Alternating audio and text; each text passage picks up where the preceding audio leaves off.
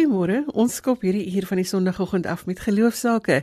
Die program is Sondagjoernaal. Ek is Liselde Brein en terwyl ons nog steeds ons afstand behou om gesond te bly, hou ek jou geselskap tot net voor die 8 uur nuus. My gaste vanoggend is Demi Franswa Mulder van die Blanco gemeente in George en ons gesels oor die uiltjies wat hulle aangeneem het. Hendrik Groenewald van YWAM gesels oor die Global Challenge. Mariska Roberts vertel van haar pad met rou na haar dogtertjie se dood en Jolandi Kortjie vertel van die Crisis Reform Network wat op die been gebring is. Ons nooi jou uit om saam te gesels per SMS by 45889 en dit gaan jou R1.50 per SMS kos. Jy kan ook saamgesels op Facebook. RSG se webadres is rsg.co.za en daar gaan jy al die inligting kry oor vandag se gaste. Dankie dat jy ons in jou lewe wêreld innooi vanoggend en ons hoop dat ons 'n verskil in jou dag kan maak.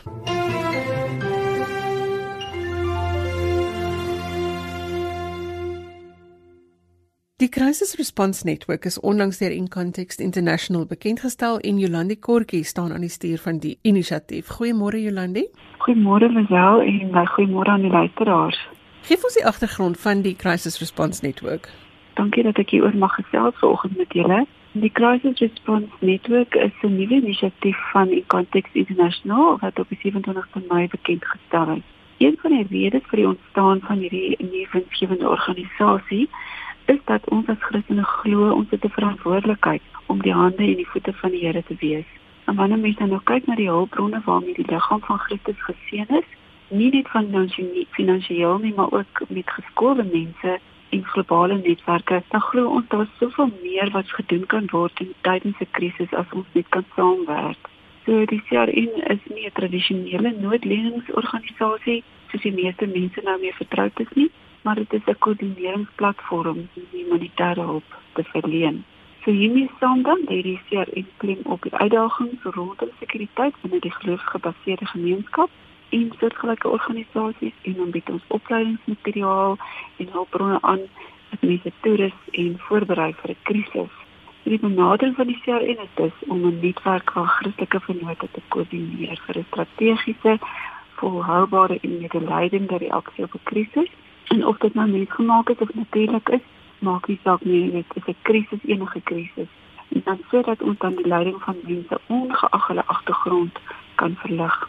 Dit sal insal die netwerk dan aktiveer spesifiek in drie fases van 'n krisis, naamlik gereedheid voor die krisis, respons tydens die krisis en dan natuurlik die heelmaking of restaurasie na 'n krisis sommer net om bietjie te deel, ons is juist tans besig met ons deurmiddel van ons netwerkvennote om 'n hulpverleningspakket saam te stel en uit te kry aan die Suid-Sudanese vlugtelinge wat in Uganda is. Dis die luisteraars sien hier dat die wêreldkosprogram hulle kosransien met 'n derde gesny. En dit het daardie gesinne gedwing om af te skaal na een ete per dag. Dit deur ons netwerkvennote daarso verstaan dat ook dit gesinsgeweld en spanning onder die vlugtelinge dan toegeneem het as gevolg van die toestand waarin hulle nou is. So die responspakket aan hierdie vlugtelinge sluit fisiese en emosionele en geestelike kos in en dan word beplan om bone te koop vir die mees behoeftige gesinne as ook saad vir die plante wat nou begin in Junie maand. Dit alles gaan deur die netwerkgenote gebeur. Hulle wat onderhand voete van Jesus is in daai deel waar hulle woon en binne reikwyte van die vlugtelinge is en hulle gaan dit aan die mees behoeftigste gesinne kan uitdeel. Jolani, as ons nou net kan stil staan by jou, jy is waarskynlik die ideale persoon om die inisiatief te bestuur, want jy en jou gesin is gijslaar gehou. Ja, dit is reg, ja. Dis meeste mense weet dat ons kortjie gesin nog 'n paar jaar gelede in Jemen gewoon en ehm um, jy is op die 27ste Mei 2013 was ons op pad om ons paspoort af te haal voor ons ons die volgende dag sou terugvlieg Suid-Afrika te vir my skoonpa se begrafnis hier in Port Elizabeth. Maar ek en my man is onderweg daardie middag ontvoer deur ekstremiste. Ons kinders was op daardie stadium 14 en 16. Hulle het nie die middag saam met ons gery nie, maar ons huis agtergebly by die stad waar ons gewoon het. En toe daardie dag was die begin van 'n krisis wat ons as gesin se lewens vir altyd sou verander en wat vir nog 19 maande aangehou het. Ons het nooit geweet of ons kinders veilig is en wat van hulle geword het nie dit was eers toe ek 8 maande later na onderhandelinge deur Kieftekiewers vrygelaat is wat ek gehoor het hulle was veilig en toe reeds in Suid-Afrika. Maar Pierre wat nog 11 11 maande langer aangehou het, het nooit geweet waar sy kinders was en nooit weer met hulle gepraat nie of enige briewe van hulle ontvang nie. Pierre is 24 uur voor hulle homself vrylaat deur die ekstremiste uit weerbraak doodgeskiet toe die FSA sonder ons wete inbeweeg het om Amerikaanse gijslaers te bevry. En dit was hierdie traumatiese ervaring en die lang pad van genesing en vergifnis wat ons daarna moes stap en wat die Here toe ten goeie laat meewerk het en my persepsies van ander se swaar kry het gegroei tot waar ek geweet het ek sou graag ander wou help en 'n bydrae maak aan hulle swaar kry. Kan ons gou vir 'n oomblik stil staan by die plek wat geloof in jou lewe speel? Julle julle is deur besondere uitdagings. So, ja, as dit nie was vir die Here nie, dan sou ek nie geweet het waar ek nou is nie. Ehm um, die deurmaak en die oorkom van die trauma, die pad van genesing, die visie vir die crisis response netwerk het alles plaasgevind deur en as gevolg van hom. En laat net wat ek kan doen vandag wat my tot hier gebring het nie. Dit was nie opleiding wat ek gedoen het wat my kon deurdra deur die trauma nie. Dit was net die Here en Peer wat op daai stadium die Here verteenwoordig het in daai donker plek. En dit was nie die Here wat deur sy Heilige Gees my tot gestel het en toe daar geen hoop was en geen lig in die tunnel was nie. Toe die hart se groter as sy Jean was. So daar kan nie Jolande wees sonder 'n verhouding met die Here nie. En dankbaarheid. Jy moet dalk op 'n besondere pad met dankbaarheid stap. Ja, dankbaarheid kan beslis 'n mens se lewe verander en die rigting waarna jy dink verander. En die tyd wat ek aan Peer aangehou het, het ons gou agtergekom dit is iets van ons moet ver baie hard werk aan ons gesindhede as gijslaars. Peer het toe met 'n plan daai tyd voor 'n dag gekom en en uit elke oggend laat ons dit goed opnoem waarvoor ons dankbaar was goed net sien dat ons nog by mekaar was en dat ons 'n dak oor ons kop gehad het. Dat ons nog geleef het. Daai hele proses het gemaak dat ons visie geskuif het van 'n glas wat half leeg is na 'n glas wat half vol is. Die dankbaarheid was amper soos 'n bril waardeur ons na die lewe kon kyk.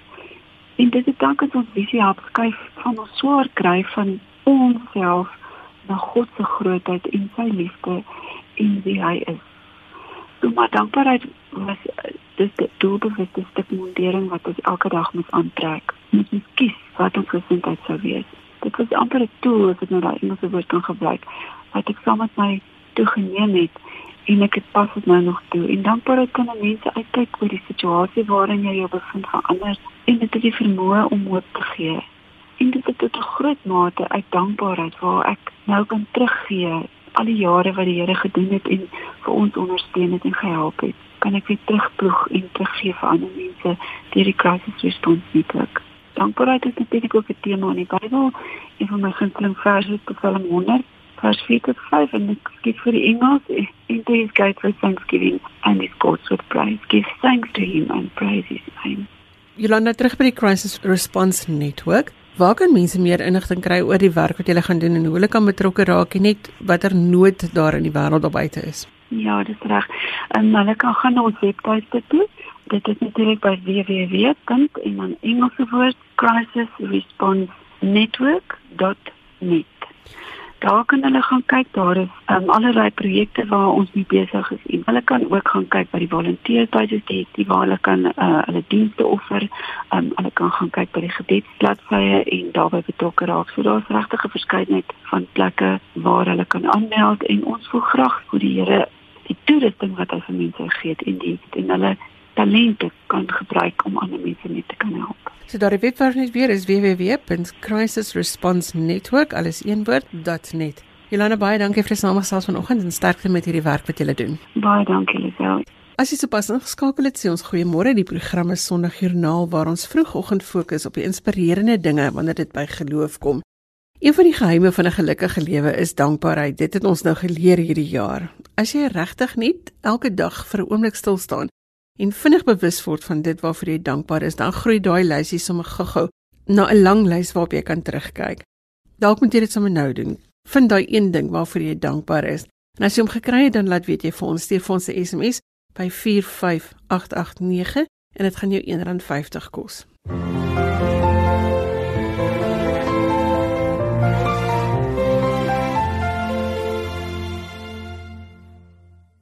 Hendrik Groenewald en sy vrou Renelle is deel van die Global Challenge organisasie in Jeffreys Bay en ons gesels vanoggend met hulle oor hulle werk en hulle betrokkeheid by Bybelvertaling. Goeiemôre Hendrik.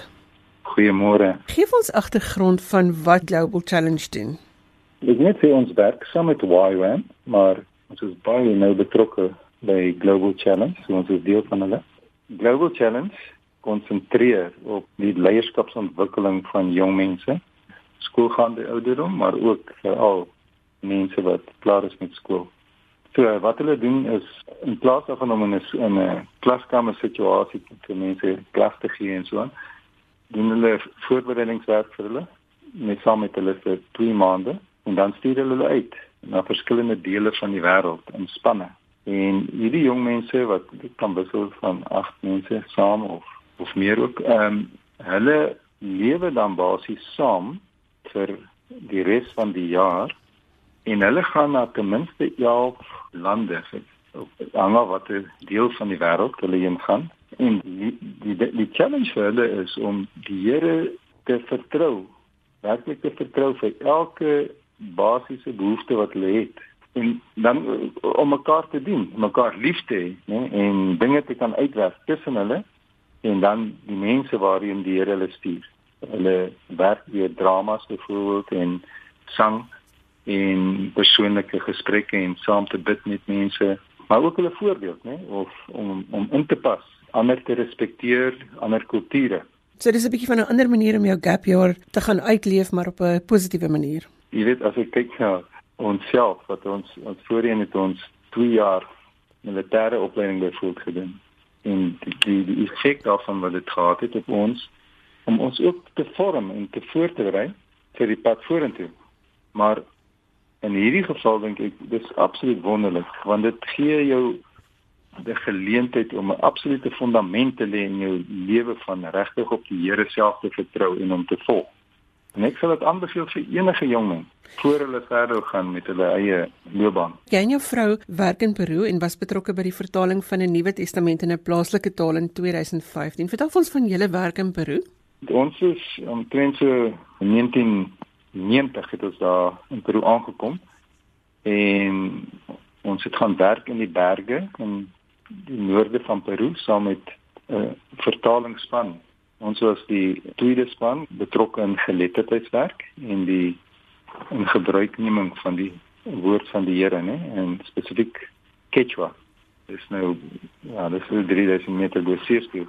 Mens maar mense wat af af afkoms van die Incas So ons het gewerk deur onderwysers uh, te help met die voorbereiding van taalligheidsmateriaal sodat die kindertjies kan in die skole hulle moedertaal leer wat op daai stadium nog nie regtig uh, die um, gebeur het nie.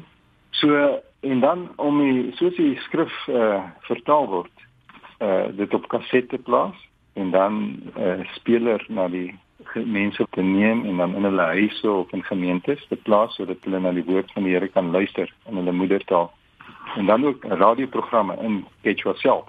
Prediking, lees van die woord, maar ook veral sang. Dis wat ons basies mag gedoen het. So die Bybel en dit wat julle doen is nou al geruime tyd in gebruik daar. Dink jy dit maak 'n verskil in mense se lewens dat hulle dit kan lees en dan ook op hierdie manier kan sien en ervaar? Die, die vertaling het omtrent so meer as 20 jaar gevat en is in 2005 is die Nuwe Testament in gebruik geneem. As ek nou dink aan om Santiago, sy ou oom gewees en hy het my vertel hoe hy baie gedrink het en selfs tussen die grafte soms het hy daar geslaap soms of so. En toe hy siek geraak en hy het na die toordokters gegaan om hom te help. En hy het gesond geword of hy beter geraak. Maar toe sê hy toe raak hy weer siek en hulle kon hom nie help nie. En toe het hy na die Here Jesus gekom. En sy lewe is absoluut 'n spieelbeeld van die liefde en die genade van die Here Jesus. Hendrik, jy werk veral ook met jong mense in die omgewing waar jy woon. Is die uitdagings van die jong mense oral universeel dieselfde dink jy?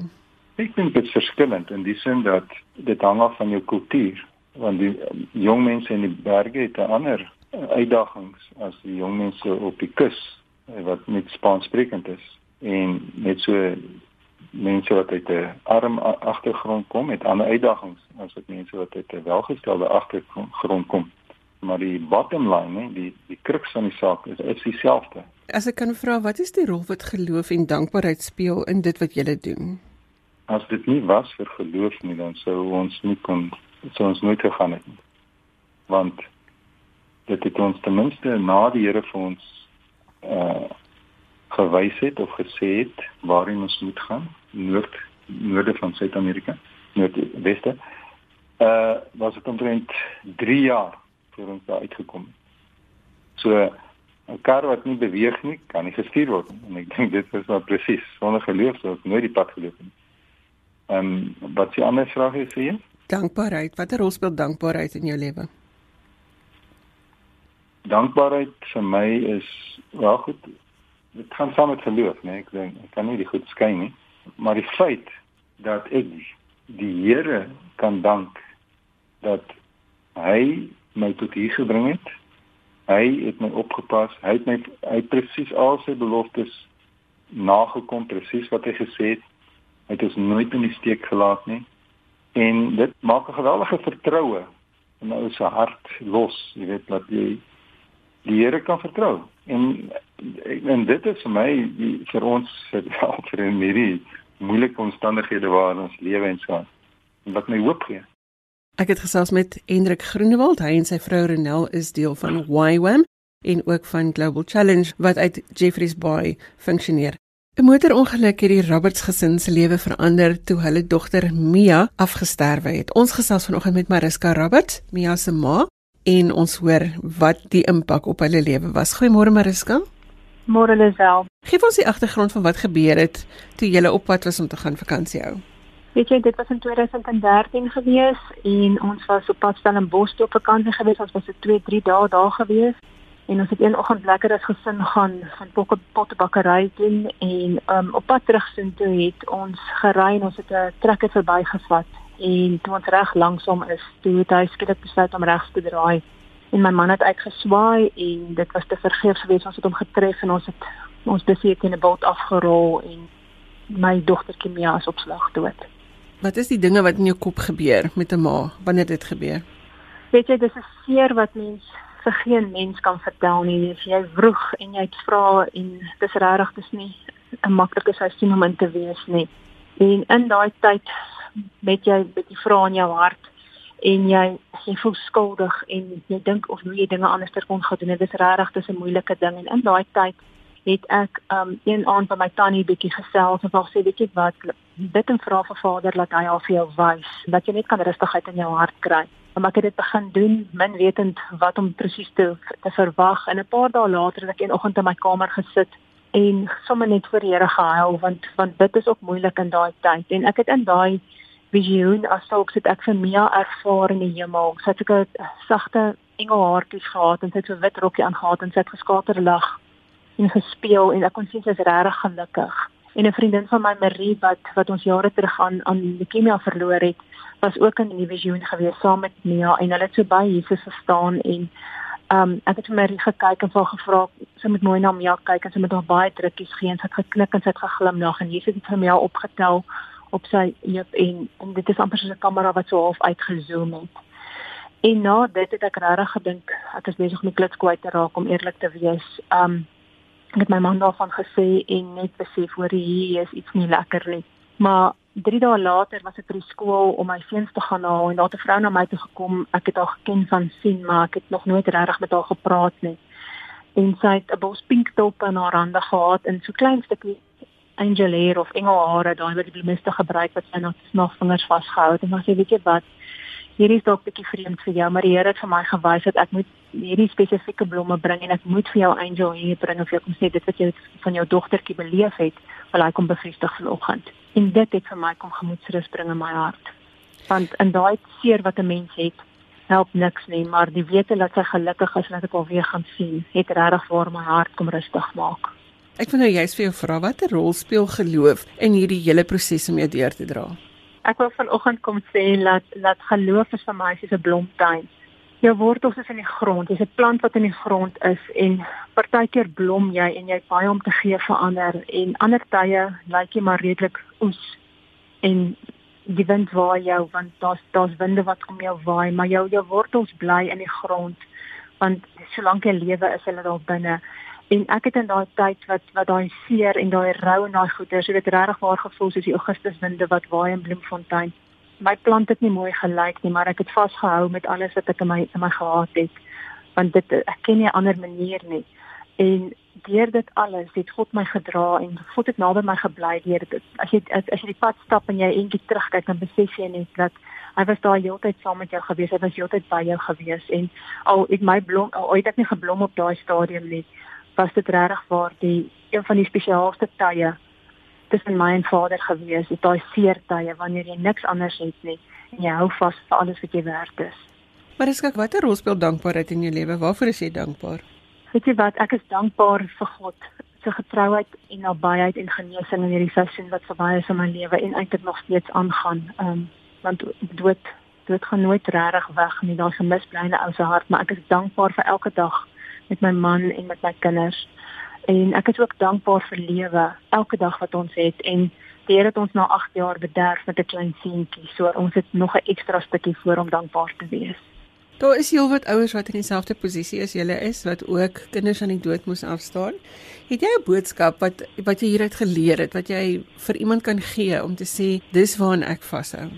Ja, ek sou baie graag vir so ouers wil sê dat weet jy wat, hou net vas hou net vas aan Vader al voel jy alleen al voel jy eensaam al voel jy al verstaan jy nie selfs al word jy partykeer kwaad vir Vader hou net vas en bly net by sy voete want met tyd begin 'n ou perspektief kry en jy begin 'n minder seer in jou hart hê 'n verlange bly altyd daar maar bly net by Vader se voete want ek weet nie hoe mens deur so 'n ding kom as jy nie aan Vader kan vashou nie Kan ons gou-gou net stil staan by die rouproses? Dis nie 'n ding wat vinnig gebeur nie, nee. Dit vat tyd dit vat baie tyd. Dit vat baie tyd. Dis nie en daai wat hulle sê daar's sekere stappies wat jy moet deurgaan. Daar's nie 'n 1 2 3 stappie nie. Dit is die die mekaarste see wat jy in is. En eendag voel jy so en een oggend voel jy so en dan 3 ure later voel jy so. Dis regtig is 'n baie die mekaar proses waardeur mens gaan, maar jy moet net vasknyp met jou met alles wat jy werk is en net weet dat daai woeste golwe word weer kalmer met tyd en met met Vader se genade. Al voel dit vir jou dat jy soms die klits kwyt is. Ek het gesels met Mariska Roberts, die ma van Mia Roberts wat tydens 'n motorongeluk afgesterf het. Mariska, baie dankie dat jy vir ons 'n kykie in julle lewe gegee het vanoggend. Baie dankie en en seën vir julle. Soos ek reeds genoem het, dankbaarheid verander ons perspektief op die lewe. So ons nooi jou uit om vanoggend vir ons te laat weet waarvoor jy dankbaar is. Stuur vir ons 'n SMS na 45889 of gaan los vir ons 'n boodskap op ons Facebookblad.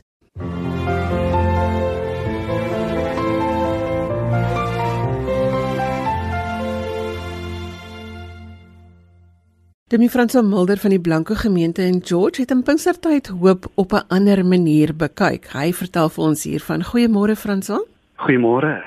Jy het 'n besondere ervaring gehad hier tussen Opstandingssondag en Pinkstersondag toe jy besluit het die kerkklok moet gelei word. So kom ons begin gou-gou daar. Hoekom die kerkklok lui en hoekom moes jy die toring uit?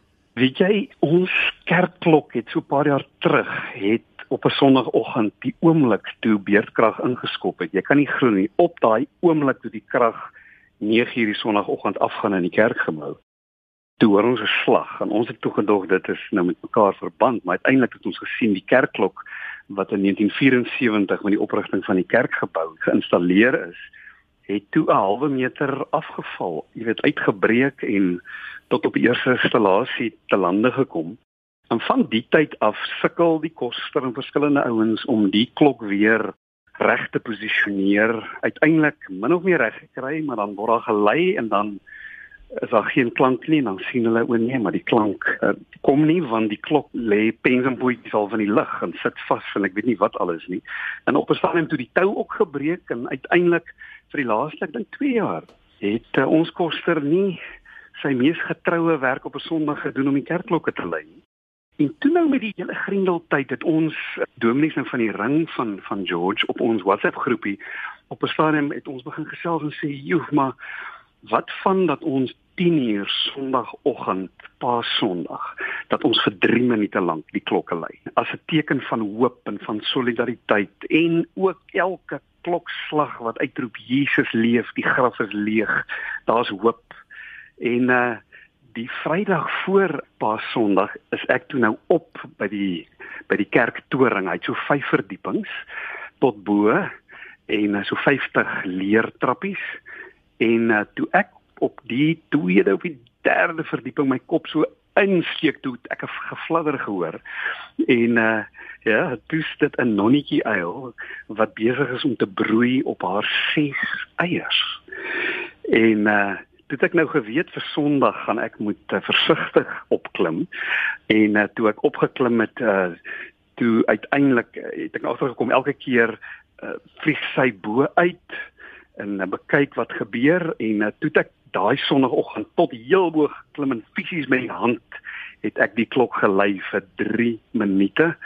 Ek het vergeet van oorpleisies en uh, maar gelukkig het ek dit gemaak boontoe en ondertoe. En daar het hierdie tradisie eintlik begin van die 12de April af om nou elke Sondag die klok te lei. Intussen het ek toe agtergekom dat daar is die tou is toe reggemaak en half hier op die eerste verdieping kan ek eintlik staan van die vyf verdiepings en dan nou die klok lei. En jy onthou nou om jou oorpleisies aan te vat. Wel, as ek net daar op die eerste verdieping staan, is my opinie ag nee wat, jy weet dis niks teenoor wat ek opstanding Sondag beleef het daar heel bo nie. En uh So, wat het julle toe nou met die ouetjies gedoen? Want want jy het nou meer as 'n klok daarbo gekry en die ouetjies het uitgebroei as ek reg verstaan. Ja, weet jy, toe was die plan nou elke Sondag dat ek nou 10 uur klim en lê en toe ek nou begin dis eintlik so fantasties om seker so 10 15 sekonde videoetjie te neem elke Sondag ook van die ouetjies nou op daai derde verdieping en gesien aanvanklik het vier uitgebroei en toe uh, nog tweeetjies uitgebroei 'n week daarna en ek wou hulle nou nie steur nie. Ons het selfs van die selfoonnetwerke wat nou daar heel bo by die klok self ons nou van hulle antennes op het, het ons oortuig om nou 'n maand of 2, jy weet, hulle inspeksies en en en jy weet jaarlikse goeders wat hulle nou opklim en goed regmaak om dit uit te stel terwyl hulle toe nou van hierdie ouetjies wat besig is om te groei. En uh tot en met Pinkster Sondag kon ons vir daai 50 dae kon ek elke Sondag, jy weet, opklim, gaan kyk, foto's neem. En wat toe gebeur is intussen het uh, Josh Klein uh van die uh, Garden Route L box projek het hy ons gekontak en en begin sê maar joh maar hy wil help. Kan hy nie dalk 'n uh, eilbox skenk nie omdat dit net meer stabiel sal wees en dalk help dit in die hele proses.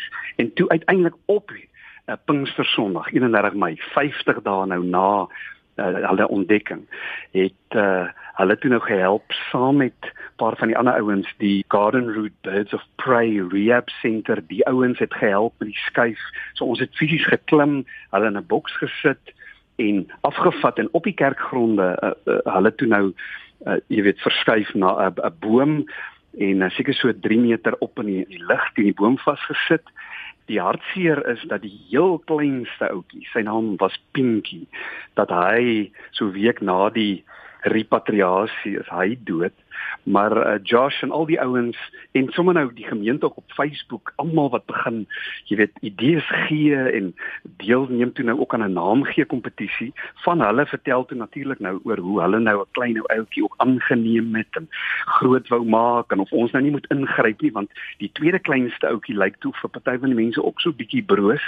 En uh, maar Josh en hierdie ouens, jy weet die experts het almal vir ons mooi gesê nee, weet jy, kom ons laat die natuur haar gang gaan en uh die pa en die ma uh, is goed op dreef met die vang van muise en alles en en uh, toe ek nou uh, verlede Sondag toe ek nou opgeklim het teen die boom en weer my weeklikse videoetjie en foto gaan neem het, toe is die vuurtjies wat nou oor is, is lewendig, is groeiend in die kleintjie wat nou oorgebly het, sy naam is Titus. Hy is ook aan die gang. So nee, ag ons is so opgewonde en wat so wonderlik was, is sommer net soveel gemeentelede deur Facebook en WhatsApp oral waar ons hulle nou ingelig het oor die ouetjies wat sê maar die ontdekking op opstanding Sondag van hierdie eiertjies teken van nuwe lewe. Hulle geboorte en op Pinkster Sondag die uitstorting van die Gees daai dag die verskywing. Uh, ek self het vir die gemeente gesê wel in hierdie tyd kon ons nie fisies in die kerkgebou wees nie. Ons moes uit. Ons moes daar buite, moes ons leef, maar ons doen dit deur die krag van die Gees. En hier gaan hierdie nonnetjie ouetjies en uh op 'n stadium gaan hulle leer vlieg en dan gaan mamma en pappa sê nou moet julle gaan. En so moet die kerk van Jesus uitgaan, die boodskap van hoop van nuwe lewe bring. So ag, dit was sommer nou net aan die een kant almal wat ingehok is en wat met nuwe maniere kyk na alles om hulle, die natuur en alles. En dan nou om te sien hoe God se natuur aangaan te midde van hierdie pandemie en uh, mense wat net iets van hoop van nuwe lewe, die opstanding van Jesus, die uitsondering van die Gees, al hierdie kernwaarhede van ons geloof, uh beleef en raak sien in hierdie verhaal van uh die kerkklokke weekliks en dan ook nou hierdie nonnetjie ouetjies. Het dit jou iets geleer oor dankbaarheid? Ons fokus hierdie jaar is dankbaarheid en hoe dit jou lewe verander. Hoe dink jy oor dankbaarheid? Wel, dis 3 maande sedert ons in 'n uh, blanke gemeente fisies in die kerkgeboue erediens gehou het. En uh ek dink ons almal aan die een kant sien uit na die dag wat ons mekaar weer gaan kan sien en uh, die die hierdie sosiale afstand sal mag oorbrug en mekaar kan omhels en saam koffie drink. So miskien dankbaarheid vir die feit uh, van wat ons al gehad het in die verlede en leef in die toekoms, maar saam met dit die die dankbaarheid om te besef gemeente wees is nie afhanklik van gebou en van hierdie samekomste nie al mis ons dit hoe as ons gedink het in hierdie tyd ook aan die vroeë kerk, daai eerste 300 jaar van vervolging en die dankbaarheid dat ons in 'n land kan leef met godsdienstvryheid waar ons ons geloof kan uitleef. Uh daai dankbaarheid net van ons verbintenis aan ons Vader in die hemel, ons verbintenis aan mekaar, al is dit dan vir 'n tyd lank net deur WhatsApp en, en Zoom en Facebook, maar dat ons aan God maar ook aan mekaar behoort. Uh, ek dink die meeste van ons is gestroop van 'n klomp normale aktiwiteite en daarom die dankbaarheid in jou eie huisgesin, jou huweliksmaat, jou kinders, uh soveel van die basiese dinge wat ons in die gewone harwar van die lewe, die hardloop lewe, wat ons nie raak sien nie.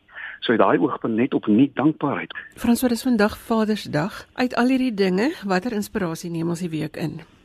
Jakobus 1 vers 17 sê elke goeie gawe en elke volmaakte geskenk kom van bo. Dit kom van die Vader wat die hemelligte geskep het, maar wat self nie soos hulle verander of verduister nie. Hy alleen is die volmaakte Vader. En ek wil vermede paas uh, in in ons land sê jy is nie 'n volmaakte pa nie. Ek is nie 'n volmaakte pa nie. Ons almal maak foute, maar ons dien 'n volmaakte Vader en om in hierdie tyd ook ons kinders, ons geliefdes se oë te vestig na daardie volmaakte pa, die volmaakte Vader, maar saam met dit om dit te omarm, die feit dat ek ek en die ander paas van van ons land en van van ons kerk dat ons nie volmaakte paas is nie en daarom om dit te erken en te kan omarm. Nie as 'n verskoning nie, maar as 'n uh, weerloosheid wat baie nodig is. Uh, daarom uh, in die tyd moet ons nie skroom om vir ons tienerseuns en ons tienersdogters by tye te kan sê maar ek is jammer. Ek is jammer. Ek vergewe my. Ek ek het nou my hier meer verloor en en ek weet ons almal is on edge. Dis moeilike tye hierdie en dalk by die werk en omstandighede, maar om as pa te kan sê vir jou kinders, maar ek is jammer. Ek is regtig jammer om vir jou vrou te kan sê ek is jammer. Dis nie 'n teken van swakheid nie, dis 'n teken van sterkte in in God, ons volmaakte Vader. En so gesels met François Mulder van die Blanke Gemeente in George. François, baie dankie dat jy hierdie storie vanoggend met ons gedeel het. Dis my voorreg. En op daardie positiewe noot is ons aan die einde van ons kuier vanoggend. Ek sê dankie vir my gaste, Dominee François Mulder van die Blanke Gemeente in George, Hendrik Groenewald van YWAM, Mariska Roberts en Jolandi Kortjie. Sondagjoernaal is as 'n potgooi beskikbaar. Jy kry dit op RSG se webwerf en die adres daar is rsg.co.za. Jy kan vir my e-pos met kommentaar of as jy 'n geloostorie met ons wil deel. Die e-posadres is lazel@wwmedia.co.za.